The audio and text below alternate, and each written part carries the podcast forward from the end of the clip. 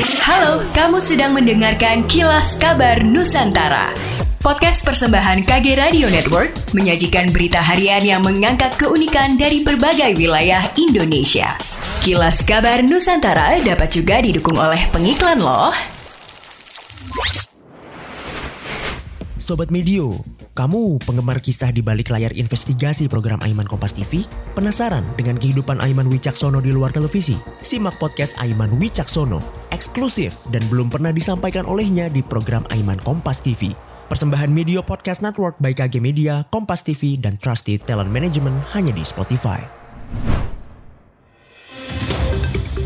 Dinas Kesehatan Sulawesi Selatan meminta masyarakat mewaspadai penyebaran virus cacar monyet. Apalagi saat ini dilaporkan dua pasien suspek cacar monyet yang sedang dirawat di rumah sakit di Makassar. Kepala Bidang Pencegahan dan Pengendalian Penyakit Dinas Kesehatan Sulsel, Erwan Tri Sulistio mengatakan salah satu cara mencegah penyebaran virus cacar monyet adalah dengan menerapkan pola hidup bersih dan sehat atau PHBS. Karena itu pihaknya akan melibatkan seluruh puskesmas untuk memberikan edukasi ke masyarakat terkait pentingnya PHBS. Erwan menuturkan selain PHBS, upaya lain untuk mengantisipasi cacar monyet meluas adalah melalui vaksinasi. Namun berbeda dengan COVID-19, vaksinasi cacar tidak akan dimasifkan. Sebab menurut Kementerian Kesehatan, penularan cacar monyet hanya melalui kontak fisik dengan penderita sehingga tidak terlalu berbahaya. Dengan begitu, masyarakat bisa menghindari cacar monyet dengan tidak mendekati orang yang memiliki gejala ruam seperti cacar.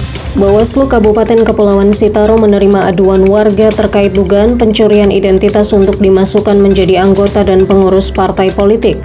Warga mengaku tidak pernah memasukkan KTP ke partai politik terdaftar, namun namanya tercatat sebagai pengurus partai. Komisi Pemilihan Umum Kepulauan Sitaro sejak 16 Agustus hingga 29 Agustus 2022 melakukan verifikasi administrasi partai politik.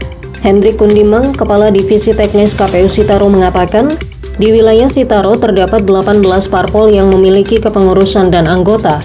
Dari 18 parpol terdapat 7 partai baru dan untuk verifikasi data mengacu pada sistem informasi partai politik.